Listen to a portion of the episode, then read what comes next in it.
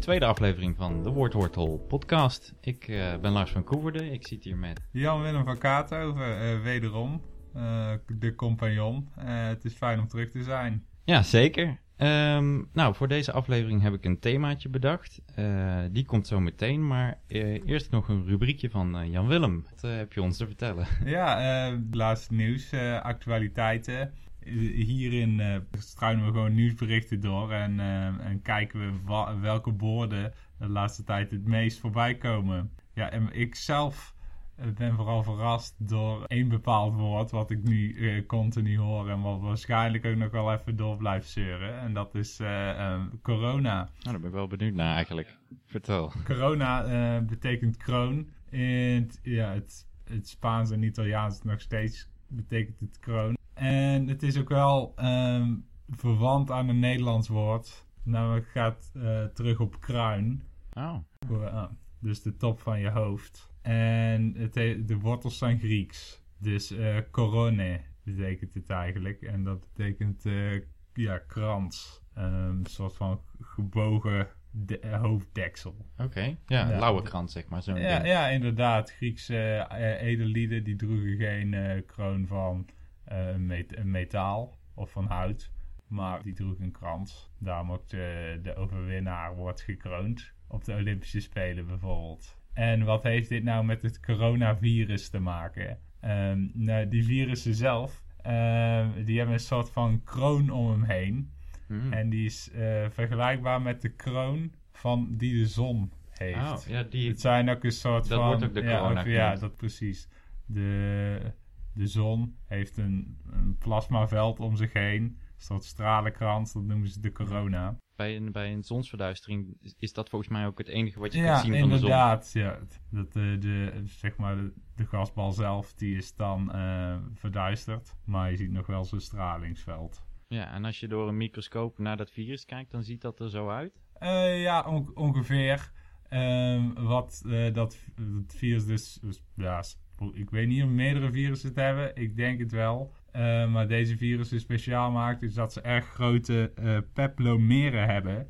En dat zijn een soort stekels die aan de bolletjes van het virus zitten. En daardoor kunnen ze zich hechten aan een cel.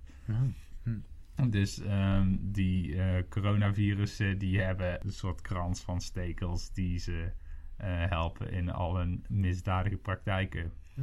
En ehm, daarom heet ze dus het kroonvirus. En niet te verwarren met de ziekte van Crohn. Eh, dat verwijst gewoon naar Dr. Kroon.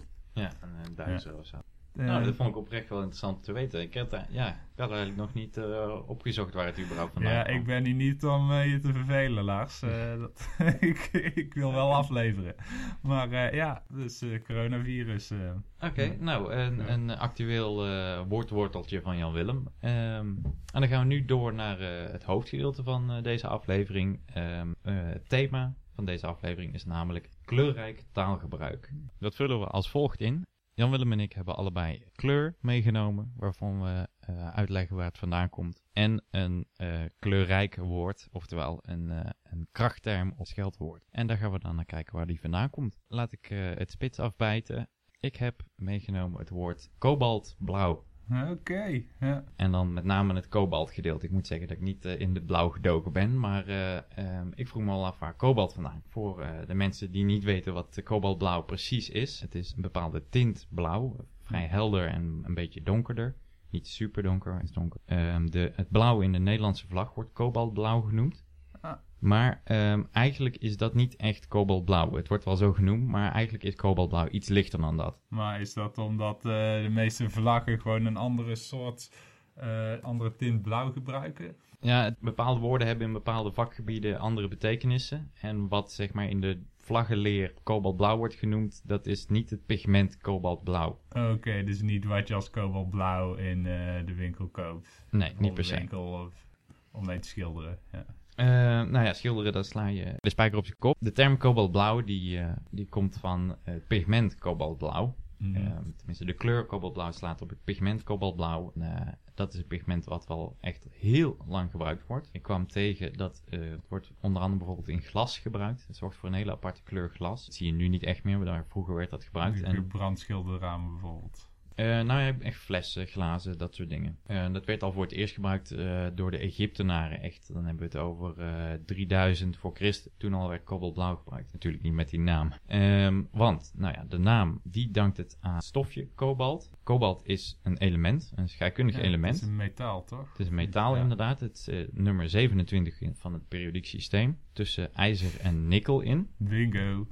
Eh, en het lijkt ook een beetje op ijzer. Oh, Fysiek lijkt het op ijzer, maar ook qua eigenschappen. Het is bijvoorbeeld ook een beetje magnetisch. Vroeger werd het ook gebruikt in magneten. Nu wat minder. Mhm. Het zit wel bijvoorbeeld in batterijen nog.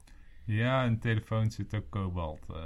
Ja, in de batterij waarschijnlijk dan. Hm. Ehm, en trouwens, waar je het ook nog terug kunt zien, is vitamine B12. Daar zit ook een beetje kobalt in. Oh, dus dit is nog gezond ook. eh. Nou, dat, dat is het grappige. Ehm, ehm, pure kobalt is eh, bijzonder giftig, maar in de verbinding van vitamine B12 is het heel goed voor je. Ehm, maar goed, waar komt kobalt vandaan? Ehm, het op zich redelijk te verwachten, het komt van kobold. Het is, Ja, ja? ja, eh, De gnoom, kabouter. ja eh, een kobold dat is ehm, een klein aardmannetje, zeg maar. Het is ons woord voor het Engelse goblin. Mhm.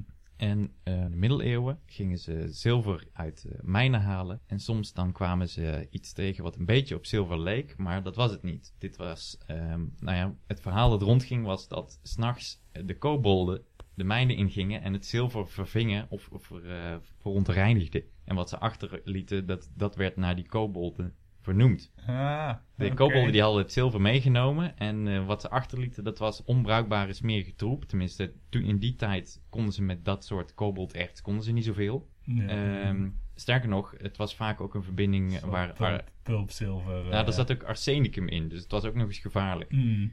Eh, want kobold komt trouwens niet in pure vorm voor in de natuur. Het zit altijd vermengd met eh, andere elementen. Ja, het is altijd eh, een verbinding met andere dingen. Het, het- een zout bijvoorbeeld. Ehm, dus vandaar die naam eh kobalt. Dat komt van kobalt, kobold. En kobold komt weer van kobe, oud woord voor hut. En Mhm. holt ehm, wil zeggen een ja, mythisch wezentje. Maar wel eentje die niet echt heel kwaadaardig is. Want dat komt weer van holt met een T.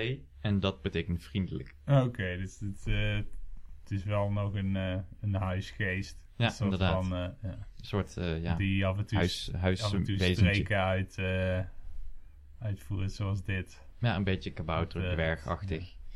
Ja, dus daar komt kobold vandaan. Het werd al heel lang geleden gebruikt dus, het spul, maar niet onder die naam. Het werd pas gekoppeld aan element kobalt in de 18e eeuw. Want toen was het namelijk het eerste metaal dat werd ontdekt sinds de prehistorie. Koper, zilver, eh, goud, maar ook bijvoorbeeld bismuth en zink. Eh, die zijn allemaal al heel lang bekend. Eh, Mhm. Maar het eerste metaal dat erbij kwam, en waarvan we dus ook de naam, naam van de ontdekker kennen, dat is kobalt. Want dat is ontdekt door een Zweed, Georg Brandt. Ja. En die ontdekte dat het niet bismuth was die echt voor de blauwe kleur zorgde, maar dat dat kobalt was. En sindsdien ehm, werd het best wel populair om- het bijvoorbeeld eh, in de kunst te gebruiken. Schilders eh, gingen het ook vooral gebruiken in de 19e eeuw. Bijvoorbeeld eh, Turner en Renoir en Monet. En ze gebruikten het vooral voor mooie luchtpartijen. Het dekt niet heel erg. En dat maakt het wat makkelijker om een lucht te maken met wolken en zo. In plaats van dat het gewoon blauw is. Gewoon super blauw. Dat valt wel mee. Het dekt niet heel erg, dus daardoor was het geschikt voor lucht. Mhm. Ze gebruikten het trouwens ook voor eh, violet. Je hebt ook kobalt-violet namelijk. Niet alleen kobaltblauw, maar ook het, eh, het zusje kobalt-violet. En dat is kobalt 2-fosfaat. Nou, mocht ik het zelf nog ooit eh, in de keuken willen brouwen, dan weet ik nu wat ik ongeveer moet inslaan. Ehm, ja, ik heb ook ooit eh, gehoord dat blauw, het pigment, voor de moderne tijden heel erg zeldzaam was. En dat het ehm, dus eigenlijk alleen maar voor het afbeelden van de hemel of voor het kleed van Maria bijvoorbeeld eh, gereserveerd werd. Toen ze eenmaal de kobalt eh, bij de kladden hadden gepakt en het in konden stoppen wat ze wilden, was blauw dus ook wel veel makkelijker vergrijpbaar. En dat zorgt er dus ook voor dat je zo'n veel grotere groepering van naturalistische schilderkunst krijgt. Oké. Ja. Nou, eh, dat was dus eh kobalt, afgeleid van eh kobold. Ehm, en dan gaan we nu door naar de kleur van Jan Willem. Wat heb jij mee? Mijn kleur is ehm, überhaupt het favoriete woord van de schrijver uh, Vladimir Nabokov. Oké. Ja, ik was aan het lezen over wat mooie woorden en deze is me altijd bijgebleven. Het is het woord mauve. Oh. Mauve is het toch? Ja, mauve. Hoe het ook zij, e- eerst had deze kleur een, een andere naam. Eh, dat was eh, namelijk eh Tyrisch paars. En eh, dat eh, beschrijft het misschien wat beter. Want ehm, het is ook een... Ja, het lijkt op violet. Alleen het is iets bleker. Dus ehm, het is een soort licht, licht paars. En het is... ehm, ja, het komt voor in de natuur. Maar de kleur is gepatenteerd door eh ene William Perkin. Dat is een eh, Britse scheikundige. En die heeft het al op zijn eh, achttiende ontdekt per ongeluk. Want hij was nou op zoek naar een ehm, manier om eh, quinine te maken. Oh. Ja, om, ja dus eh, om Kunstmatig. ki- kini- ja, kunstmatig om kininepillen tegen malaria voor, voor te brouwen. Maar een van zijn experimenten bleef wat achter in zijn hellemeier. Dat een, een soort ja, residu met hele uitgesproken paarse kleur. Hm. En ehm, daarmee is hij aan de slag gegaan en heeft hij een, eh, een soort eh, lak heeft hij daarvan gemaakt. En die heeft hij toen eh Tyrisch paars genoemd. Want het deed hem denken aan eh, de kleur die gebruikt werd. Of die zo geroemd was in de oudheid. Ja, Van de purperslag, Ja, van, ja, van purperen toga's. Die onder andere Romeinse keizer, maar ook Romeinse edelieden droegen. Ja. Maar eh, dat Tyrisch eh, paars was een beetje eh, hoogdravend. Voor zeg maar de, het op de markt te kunnen brengen. ja, heel duur. Eh, hm? Heel duur, toch? Ja, het, het, het was sowieso heel duur ehm, in de oudheid. Omdat die, dat purper dat werd gemaakt door slakkenschelpen eh, fijn te malen. En daar had je Ja. er enorm veel van nodig. Duizenden. Ja, en, en dus was het hartstikke prijzig. Ehm, ja, het Tyrisch paars als naam. ehm, het bekt niet zo lekker als mauve. Ehm, dus daar is eh, Perkin eh, toen op over gegaan om, het, eh, om, ja, om er reclame voor te kunnen maken. En die naam heeft hij weer afgeleid van ehm, eh, de mallow een bloem. Mallow in het Engels, mauve in het, in het Frans. En in Nederlands gewoon het kaarsjeskruid. Oh. En dat is een bloemetje eh, met dus die eh, lichtpaarse kleur. En ehm, toen ik daar eenmaal eh, over aan het lezen was. Dus, Marshmallow. Ja, ja. nee, ik weet het. Marshmallow, ik denk niet dat. Ja, Dat is daar wel van afgeleid volgens mij. Ik weet dat niet meer zou, hoe. ja dat zou goed kunnen. Marsh is een moeras natuurlijk. Maar dan zou het een moerasbloempje zijn. Daar, daar, daar komen we nog op terug. Dat, eh, dat is voor de volgende aflevering. Ja, maar Ehm, hoe kwam die eh, Perkins bij die, eh, bij die Mellow uit? De, de Mellow heeft precies dezelfde kleur. Oh, oké. Ja. Ja. En ehm, dus daar leek het, leek het het meest op. En het is gewoon één eh, simpel woord. En daardoor meer bruikbaarder als kleurnaam. En daar heb ik me, ehm, toen ik eenmaal hierover aan het lezen was, ben ik me daar wat meer in gaan verdiepen. Over hoe krijg je kleurennaam. Want ik vroeg me bijvoorbeeld af, als je aan het schilderen bent, dan zijn er eh, tal van eh, gekke kleurnamen. Zoals ja, kobaltblauw is er eentje, maar ook eh, scharlaken of safraan of oker. Die niet echt direct voor de hand liggen. Dan denk, je- of denk je van, heb- hebben mensen die nou ooit bedacht? Heeft iemand die gepatenteerd? Zoals hier deze Perkin bijvoorbeeld. Mm. Of zijn ze gewoon uit de lucht gegrepen? Wat blijkt, er zijn ongeveer drie eh, soorten kleurnamen, abstracte kleurnamen. Bijvoorbeeld blauw, geel, rood. Ja. ja, dat zijn ook oeroude woorden. of Ja, niet? die hebben geen directe betekenis. ja. Ik las bijvoorbeeld, ik heb een beetje naar paars gekeken. En dat is ook al heel oud. Ze denken dan dat Ja. het misschien is afgeleid van pers, persisch. Ja, zou kunnen, maar meestal is er geen ker, eh, kern aan te wijzen, want het verwijst verder niet naar iets anders. Het is een, heel- ook een heel bazaal ding van de ervaring. Dus eh, dat zijn dan eh, meer ja, die eenwoordige abstracte namen. Ehm, dan- je hebt ook nog verwijzende kleurnamen. En dan zijn nog het wijsverbreid diegenen die direct naar een object verwijzen. Zoals, eh, ja, of ehm, zoals bijvoorbeeld iets wat je in de natuur kunt vinden en wat die kleur heeft. Dus die, eh, die mauve of violet, een andere fuchsia, allemaal bloemen. met die, die specifieke kleuren. Maar ook eh, oranje Ja. gewoon, ja. Het komt van het Sanskriet uh, naranj. Ja. En dat betekent gewoon sinaasappel. Dus Ja, de, de kleur is genoemd Ja. naar de vrucht, niet andersom. Ja. Hè? ja, inderdaad. Dat, dat vond ik wel opmerkelijk. Je hebt ook nog verwijzende kleurnamen die nog een stapje verder gegrepen zijn. Eh, bijvoorbeeld scharlaken. Vind ik ook een heel leuk woord trouwens. Ja, dat is een mooi woord. Scharlata. Eh, en het Arabisch kilat komt er ook nog vanaf. En dat slaat waarschijnlijk weer op schakering. Het werd gebruikt in ges eh, geschakeerde kleden en mantels bijvoorbeeld. Dus dan verwijst het weer naar de kleur van die kledingstukken. Of eh safraan, azafran. En dat duidt weer op gouddraad. Dat, en dat zit in de krokussen waarvan de safraan wordt gehaald. Hm. In het Grieks is schafano krokus het woord. Oh, oké. Ja. En ja, naast abstracte en verwijzende kleurnamen heb je ook nog samengestelde kleurnamen. Zoals ja, lichtroze, Ah, eh, donkerblauw. ja, dat- valt daar dan ook de oceaanblauw of zo? Ja, dat soort dingen. Marineblauw. Marineblauw. legergroen.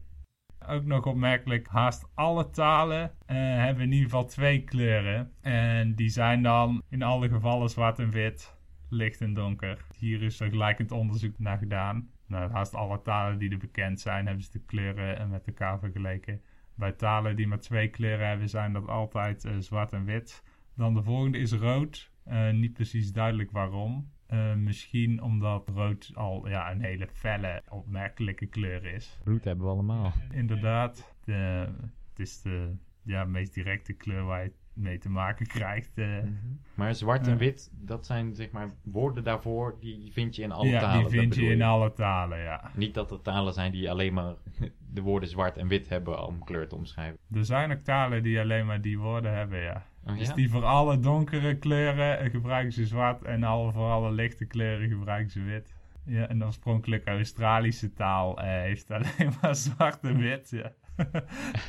Even kijken. Ehm, dus de volgende is rood. En dan ehm, de derde onderscheiding die ehm, mensen zullen maken is dan ofwel groen ofwel geel. Maar als ze voor groen kiezen is de volgende geel en voor geel groen. Daarna krijgen ze blauw en dan de rest in enige volgorde. Ja. Maar dus de onderscheiding van kleur volgt wel vanaf bepaalde stappen, opmerkelijk genoeg. Ja, oké. Complexe talen hebben ehm, ongeveer ja, zeven kernkleuren. Maar hoe ze, die, hoe ze vergelijkingen maken, welke dingen welke kleur hebben, dat eh, verschilt per taal en ook per tijd. Het, eh, een voorbeeld dat ik vaak tegenkwam was van de, eh, de wijnrode zee die je in de, in de Ilias hebt. Ah, ja, ja. En ehm, dat, ja, dat heeft heel veel klassici heeft dat verbijsterd. Onder andere ook eh, de oud-Engelse premier William Gladstone. Die betoogde dat eh, eh, Homerus, als hij bestond, eh, dan was hij kleurenblind. Want eh, geen enkele zee is wijnrood. maar eh, ja, Oinops Pontos. Ze, eh, zij vergeleken de kleur blauw en eh, rood misschien veel meer met elkaar. Ik heb geloof ik ook wel eens gehoord dat, eh, dat de Grieken eh, hetzelfde woord gebruikten voor de kleur van de lucht en de kleur van koper bijvoorbeeld. Wat voor ons echt niet te voor te stellen is. Nee, inderdaad. Nu is het daar ook wel een stuk zonniger. Dus eh, misschien dat de lucht in Griekenland vaker koperkleurig is. Een permanente koperen plaat. da- dan, dan in ons gouden kikkerlandje. Maar, maar ja, het, dat zijn wel eh, van die ja, in onze oren vreemde vergelijkingen. Maar eh, toen de tijd eh, konden ze ermee leven. En ook in, in China en Japan ehm, hebben ze één woord schijnbaar. Ik ben eh, Ayo. Dit spreek ik waarschijnlijk helemaal verkeerd uit. Maar het is één woord voor zowel blauw als groen. Ja, water en bladeren. Mhm. Of sommige planten hebben ongeveer dezelfde kleur. Ja. ja, het is net waar je de grens trekt eigenlijk, want het is een spectrum uiteindelijk. Ja, precies. eh zeggen ze ook van pygmeeën, die hebben veel meer eh, verschillende soorten groen. Kunnen ze onderscheiden. Ja, maar ja. ja. Weet je, het Eskimo en sneeuwverhaal. Oh, sorry, Inuit-Indianen. Oké. ehm, Nou, dat, eh, daarmee sluiten we dan nu het, eh, het kleurenblokje af. En dan gaan we eh, naar het scheldwoordenblokje. Ja, k- laat maar dus, komen. Je bent ge, ge- gewaarschuwd, beste luisteraar. We gaan niks beliepen. Eh, ving- maar, Vingers in je oren, hier komt stevig taalgebruik. nou, we, we hebben wel vrij milde scheldwoorden opgezocht. Dus het valt allemaal nog wel mee. Ja, want, toch? eh, want de klassiekers, eh, die kent eh, godverdomme iedereen. Ehm, nou, zal ik maar eh, met eh Klojo beginnen dan. Klojo, Ja. nou, Ehm Klojo eh, is gewoon een van de vele verbasteringen van eh, klootzak. Je hebt kloothommel, klootviool, klootjoris, klootjurk. Die kende ik niet, maar die Mhm. kwam ik op internet tegen. Ehm, allemaal slaan terug gewoon op klootzak. Eh, en het grappige is dat al deze scheldwoorden zijn allemaal pas vorige eeuw ontstaan. nou, oké. Dus eh, ze zijn echt eh, heel recent. Het woord klootzak is al, wordt al veel langer gebruikt, al eeuwenlang, maar gewoon puur voor het anatomische gedeelte van, van de man, de balzak. En het betekent ook eigenlijk gewoon hetzelfde als balzak. Kloot, dat is gewoon een ander woord voor bal. En vroeger werd het ook veel algemener gebruikt voor Mhm. allerlei ballen en balletjes, kogels ook zelfs. Ja, eh, inderdaad. Ik heb een keer een rondleiding gehad in het Muiderslot. En eh, on- onze gids die vertelde ook dat eh, kanonskogels eh, kloten heten. En dat die verplaatst werden in een klootzak. Ze werden eigenlijk naar het kanon toegesleed. Want ze zijn heel onhandig om te tillen. En degene die dat moest doen, dat was de klote jongen. Oh, Maar ja, dit. hij had verder geen bronnen voor eh, deze etymologie. Maar dat is me wel altijd bijgebleven. Ja. Nou, ik heb wel iets moois wat erop aansluit. Eh, namelijk, eh, nou ja, wat ik al zeg. Klootzak, dat bestond al heel lang. Het scheldwoord klootzak kwam pas vorige eeuw. Tenminste, volgens de bronnen die ik gelezen heb. Mhm. Maar eh, allerlei andere termen die met kloten te maken hebben, die zijn al veel ouder. Bijvoorbeeld naar de kloten gaan. Eh, Oké. En een verhaal wat ik tegenkom, opnieuw, ik weet niet hoe betrouwbaar dit is, maar was dat eh, nadat die kanonskogels werden afgevuurd tijdens een belegering van een stad, ehm, heel veel kogels die belanden niet over de stadsmuren heen of in de stadsmuur, maar die vielen daarvoor al in eh, een greppel of in de gracht. En wat. Die van die belegerende legers dan deden was, krijgsgevangenen stuurden ze daarachter aan om ze weer terug te halen, zodat ze eh, gerecycled konden worden. En als jij die klotenklus kreeg om die kloten op te gaan halen, dan ging je dus naar de kloten. Oh, zo, ja. En dan eh, ben je natuurlijk ook meteen in de vuurlinie. Precies, dus dan heb je, loop je wel flink risico. Ehm, en andere woorden met kloot, die zijn ook al eh, veel ouder dan klootzak. Tenminste, het scheldwoord. Ehm, je hebt bijvoorbeeld droogkloot. Dat bestaat ook al heel lang. Het werd bijvoorbeeld door eh, Bredero gebruikt in een gedicht. Begin 17e eeuw hebben we het dan over. Daar zegt hij, ja ziet deze Jan Droogkloot. ja, een beetje een saai, simpel persoon. En een andere term die je al heel lang geleden tegenkwam was eh, klootjesvolk voor eh, gepeupelte. En eh, dat slaat erop en dan weten we ook meteen waar kloot een beetje vandaan komt. Dat, Ja. ehm, dat Waar was... dat degene die de kanonskogels moesten maken? Nee, of, iets eh, heel anders. Dat waren namelijk de mensen in de stad. Eh, nou, als je niet zoveel geld had, dan woonde je vlak bij de muur. mhm. En dan woonde je vaak met heel veel mensen op een klein stukje grond. Oftewel op een kluitje. Ah, dus dus eh, klootje van gemaakt, maar eigenlijk is het gewoon... Het was met, volk eh, dat op een ui- kluitje ui. woonde. Ja. Oftewel Hmm. kluitjesvolk. Mhm. Oftewel klootjesvolk. Want kluit en kloot zijn verwant. Oh, een kloot is eigenlijk ook gewoon een stuk grond. Ja, gewoon Oh, een bal van iets. Ja, een eh, ja, Ja. Ehm, en nou, in die vorm zien we het ook in andere woorden nog terug. eh, want het is dus een bal, maar het hoeft niet per se rond te zijn. Want we zien het bijvoorbeeld ook eh klootschieten. Dat is ook, slaat ook op zo'n soort bal of kogel of Mhm. projectiel, voorwerp waarop geschoten wordt. ja, wauw. Eh, Eh, dus op die manier gaat, eh, gaat het nog heel ver terug. Ja, wel typisch dat nu klootzak als eh, scheldwoord gebruikt wordt in het Nederlands althans. Want ja, in, de- in andere talen, denk ook weer aan eh, eh, Frans, Spaans, Italiaans. Als je, is juist als je ballen hebt, als je kloten hebt. Dat is juist een compliment. Oh, ja, maar juist eh, dat je een beetje, een beetje stoer bent. volgens mij is het wel zo dat je in andere talen vaak ook scheldwoorden hebt die met geslachtsdelen te maken hebben. Maar ik las ergens anders dat ehm, schelden met ziektes juist vrij uniek is voor Ja, Nederland. dat is wel heel uniek voor Nederland, inderdaad. Dat is ook moeilijk uit te leggen. Uh, ja, misschien juist omdat eh, het, het hele scala aan, eh, godsdienstige vervloekingen hier eh, een beetje in verval is geraakt. Eh, jij hebt natuurlijk eh, godverdomme. waar ik ook nog aan zat te denken voor eh, deze aflevering. Want er is vaak de misvatting dat je jezelf ermee vervloekt. Dat het godverdomd mij zou zijn. Maar het is eigenlijk godverdom het. Ja, de, dus de ziektes zijn misschien omdat we wat seculierer taalgebruik hebben.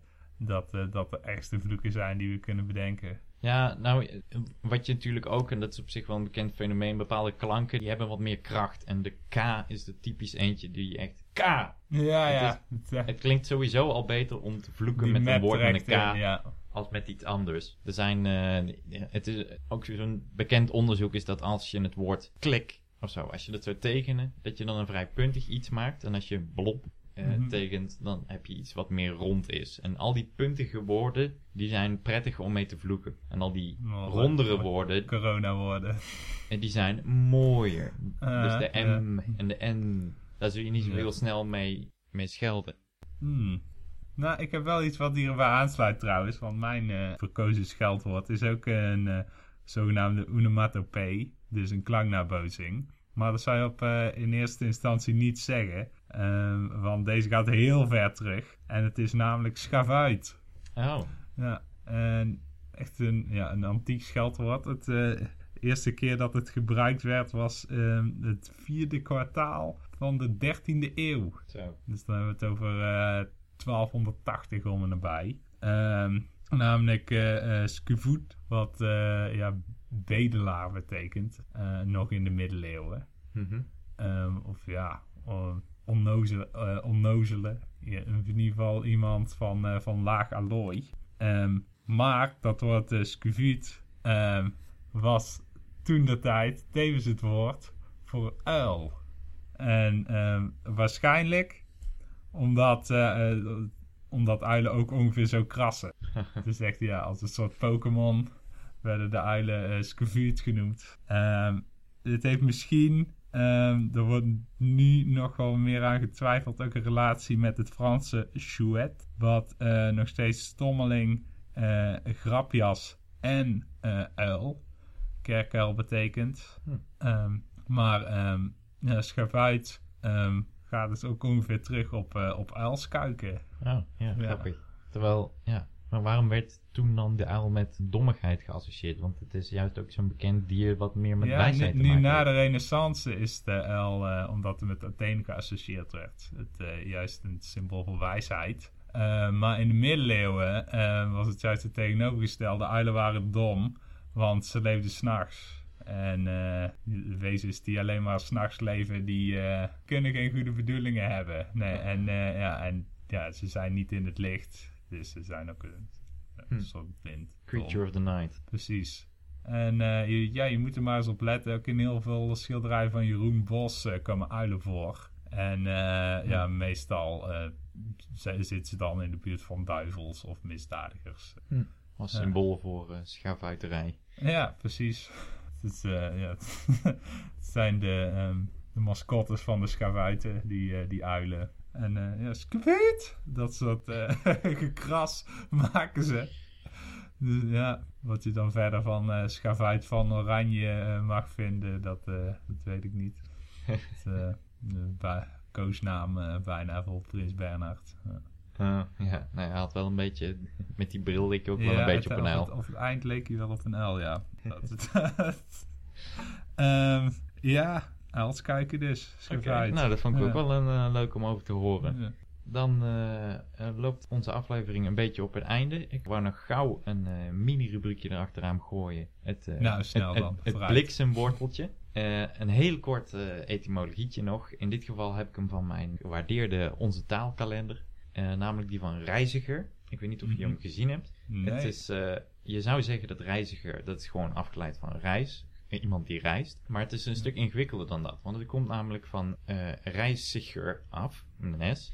En dat is iemand die reizig is. En als je reizig bent, dan ben je op kruistocht. Want oorspronkelijk was een reis niet zomaar een tocht. Aha. Het was een kruistocht. Het was een ander woord voor kruistocht. Als je op reis ging, dan ging je op kruistocht. Ja, om, omdat het... Uh, nou, zit, zit er bij een reis een, een bepaald doel aan vast? Of uh, hoe komen ze daar dan op, die, op dat nou, onderscheid? Oorspronkelijk, uh, en dan hebben we het over het Duits, betekende reis gewoon kruistocht. Specifiek kruistocht. Hm. En later werd het een algemenere term voor eh, gewoon een tocht, waar dan ook naartoe. En toen reis veranderde van betekenis naar specifiek kruistocht, naar gewoon een tocht in het algemeen, toen is reiziger mee veranderd. Maar oorspronkelijk betekende het dus eh, iemand die op kruistocht is, of dus- iemand die bewapend is bijvoorbeeld. Een, ja, een soort gewelddadige pelgrim. Nou, niet eens per se een pelgrim ook zelfs, want eh reizig wilde ook gewoon eh, zeggen bewapend. Ah, ah, ja, juist. Maar later is die dus mee verhuisd met het woord reis eh, gewoon de betekenis op reis zijn. Dus, in de betekenis van eh, op kruistocht zijn is het eh, ja, tegelijk uit de mode geraakt als met de kruistochten zelf. Maar ja, gewoon voor, eh, voor lange tochten bleef het nog even hangen. Ja, nou, dat vond ik zelf wel interessant. ja. Maar dat is dan de allerlaatste woordwortel van vandaag. Ehm, bedankt voor het luisteren en misschien tot de volgende keer. Ja, het, het was weer gezellig. Ik hoop dat jullie er iets mee kunnen. Wij hebben er nou schik mee gehad. Dus eh, Oké, nou, eh volgende. Ajus uh, schavuiten. Ja, en ja, doei klootzakken.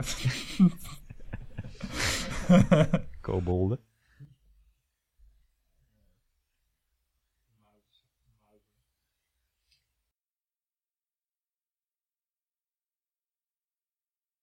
Kwijt?